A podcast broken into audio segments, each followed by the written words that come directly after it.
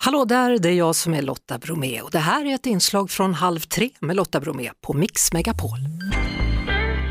Och apropå två på en gång, jag vet inte om ni såg Masked Singer-finalen. Då var det ju nämligen två stycken som dök upp när man väl tog av huvudet på den där spelmannen, för det hade ju legat någon i en låda där också. Det visade sig vara de norska stjärnartisterna Marcus och Martinus.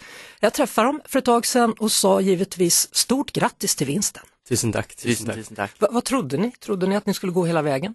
Eh, det er jo svårt å vite. Dette er jo et program som ikke bare handler om hvordan din røst er, selvfølgelig. Det er jo litt om hvordan du er på scenen og ditt kostym og litt forskjellig.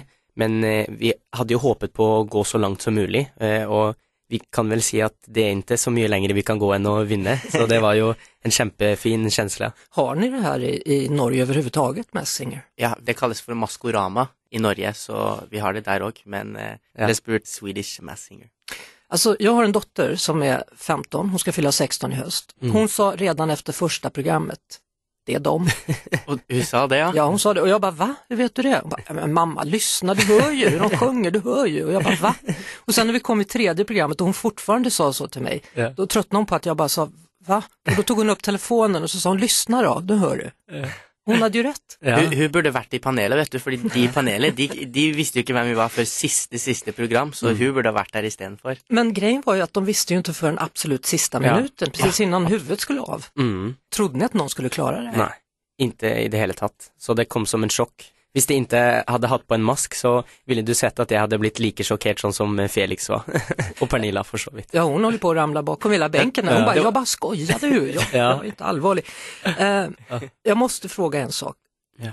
Och nu måste ni vara ärliga, annars tar jag fram någon lögndetektor. Ja. Låg verkligen någon i lådan ja. Jeg har videobevis. varje gång? Jeg har videobevis, så kan du få se. Så kan du høre at musikken er i bakgrunnen. Så kan jeg vise det etterpå hvis du vil. Det var faktisk når Markus hadde sitt finalenummer, så lå jeg i lådan i over en time. Å, herregud. På grunn av det var problem med scenen, Og der det var lys. Så da måtte han ligge der på scenen i over en time. Ja. Så vi var der. Hvert eneste program så var vi i lådan. Men hvordan andet det ni i den der lådan då? Var lufthål og greier, eller? Ja, Det det, det er litt sånn små hull der, og det er faktisk eh, mer komfortabelt enn det du ville ha trodd. Så Mm. Ni måtte kunne gjøre det veldig små for den var jo ikke så jättestor. Nei, men den ser mindre ut på utsiden enn den er inni, så det er et litt sånn luretriks.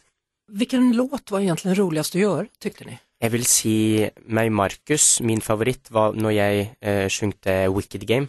Du gjorde den veldig bra, det er Chris Isaac i vanlige fall. Ja. En filmlåt og en klassiker virkelig. Mm. Ja. Og så er jo det en, egentlig en countrylåt, da. Så jeg gjorde det på litt min egen versjon, litt eh, mer lugn og litt mer naken, med Mm. bare piano, så den ble veldig fin, tykker jeg. mitt var kanskje Treasure, eller um, fordi det var i semifinalen, så det var et veldig viktig nummer å få til å være bra. Yohio slog den ut da. Mm. Ja. Vi tenkte at nå, nå ryker vi, når vi får i duell. Jeg var mer bekymra i semifinalen, faktisk. Ni har ju sagt då att vara med här var ett sätt för er att kunna visa att ni har vuxit och att ni kan sjunga en annan typ av låtar. Mm. Dette programmet har jo hjulpet oss å vise en annerledes side av oss selv, da. Mm. Jeg hadde jo aldri kommet til å sjunget en Chris Isaac-låt når vi er ute og har konserter, eller Christina Aguilera, som jeg også sang. Så det var jo veldig fint å kunne vise vår røst på dette programmet, og at ingen visste at det var Marcus og Martinus, så det var ikke noe press på oss i det hele tatt. Vi fikk vist en fin side av oss, og det var veldig fint å se så mange fine tilbakemeldinger. Uh, nya singeln är ju givetvis på gång och vi skal faktisk premiärspela den här i Mix Megapol i Efter så tre. Fantastisk. Ja, hva, hva, vil ni si om When the Lights Go Out? Altså, dette er jo en veldig eh, mye mer personlig låt enn det vi har gjort før. Eh, Vi har jo hatt masse tid i studio når det har vært korona til å lage mye musikk, men vi følte at dette var den rette låten å slippe nå, siden den er litt mer personlig enn de andre låtene våre har vært før. Så vi håper at dette er noe alle kan lysne til, og føler at de kan lysne på dette uten at jeg skal tenke på at det er Marcus og Martinus. Denne låten släpptes ju då i Sverige nu i fredags Mm. og jeg antar at den släpps på flere plasser i verden samtidig, eller? Over hele verden. Så nå sitter det fans og bare har väntat på det här ögonblicket. Oh yes, og her sitter vi. Vi høres så klart på Mix Megapol varje eftermiddag vid halv tre. Poddtips från Podplay. I podden Något Kaiko garanterar östgötarna Brutti och jag, Davva, dig en stor dos skratt. Där följer jag pladask för köttätandet igen. Man är lite som en jävla vampyr. Man har fått lite blodsmak och då måste man ha mer. Udda spaningar, fängslande anekdoter och en och annan arg rant. Jag måste ha mitt kaffe på morgonen för annars är jag ingen trevlig människa. Då är du ingen trevlig människa, punkt. Något kajko, hör du på Podplay. Därför är gardinerna.